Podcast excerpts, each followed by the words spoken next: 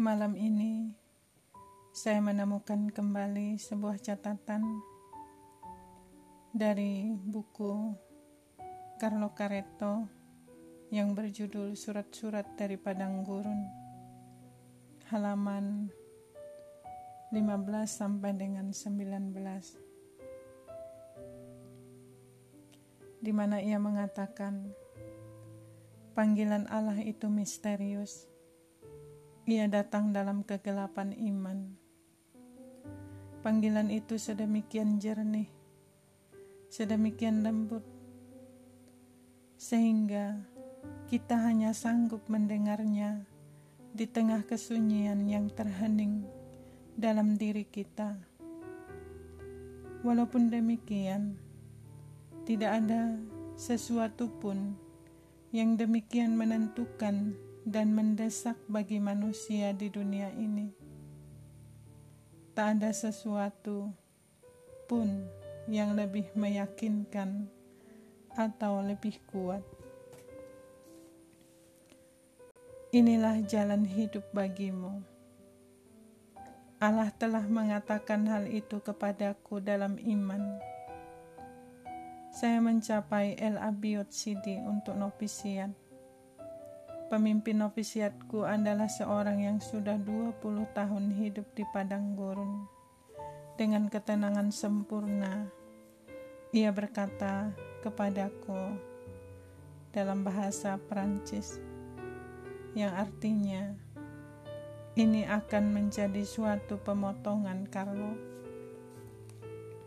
Saya tahu pemotongan macam apa yang ia maksudkan dan saya telah memutuskan untuk memutar haluan, biarpun hal itu terasa sakit.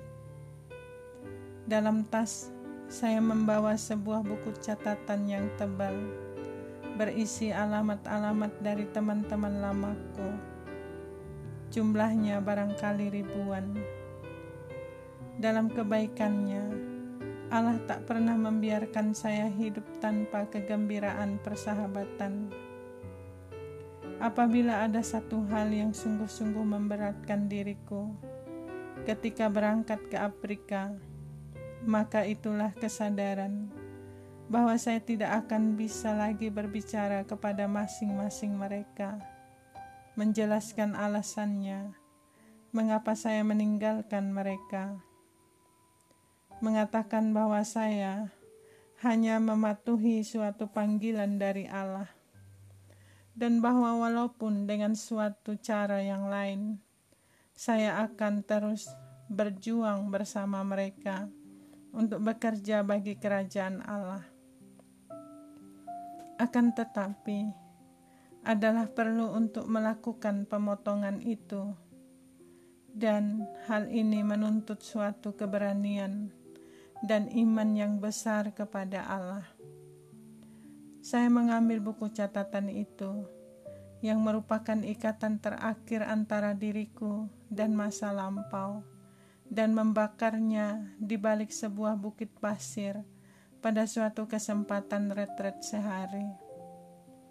Saya masih dapat melihat debu-debu hitam dari buku catatan itu diterbangkan angin di tengah-tengah bentangan Sahara.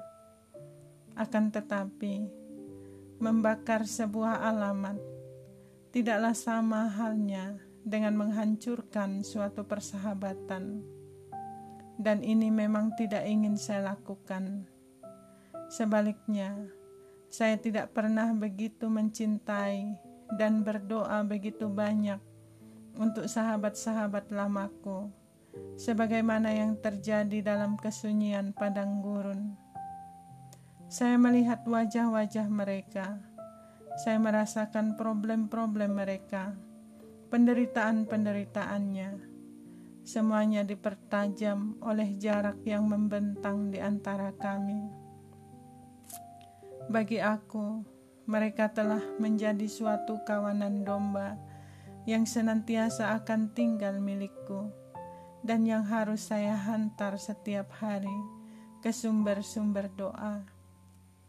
Kadang-kadang saya bahkan hampir merasakan kehadiran mereka secara fisik, Umpamanya ketika saya masuk ke dalam gereja di El Abiot yang bercorak Arab atau kemudian ketika memasuki tempat pertapaan termasyur yang dibangun oleh Charles de Foucault di Taman Raset.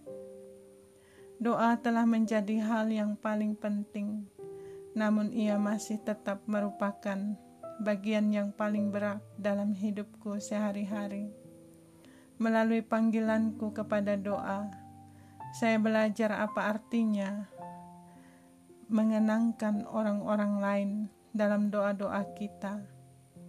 Demikianlah, setelah banyak tahun, dapatlah saya berkata bahwa saya telah tinggal setia pada panggilanku, dan sekaligus saya benar-benar yakin bahwa orang tidak pernah membuang-buang waktu dengan berdoa. Tak ada suatu cara lain yang lebih berguna untuk membantu orang-orang yang kita cintai. Buku catatan alamat itu tidak lagi menjadi kepunyaanku, tetapi itu pun tidak penting, sebab ada jalan-jalan lain untuk menjumpai sahabat-sahabatku. Karena itulah, saya ingin membuat suatu janji untuk bertemu dengan saudara pada salah satu tempat dan sekian banyak sudut yang indah di Sahara, kira-kira menjelang senja pada waktu matahari terbenam. Carlo Caretto Semua catatan ini begitu menarik bagiku, seolah-olah hal yang sama juga diminta dariku, meninggalkan segalanya dan masuk ke padang gurun hatiku.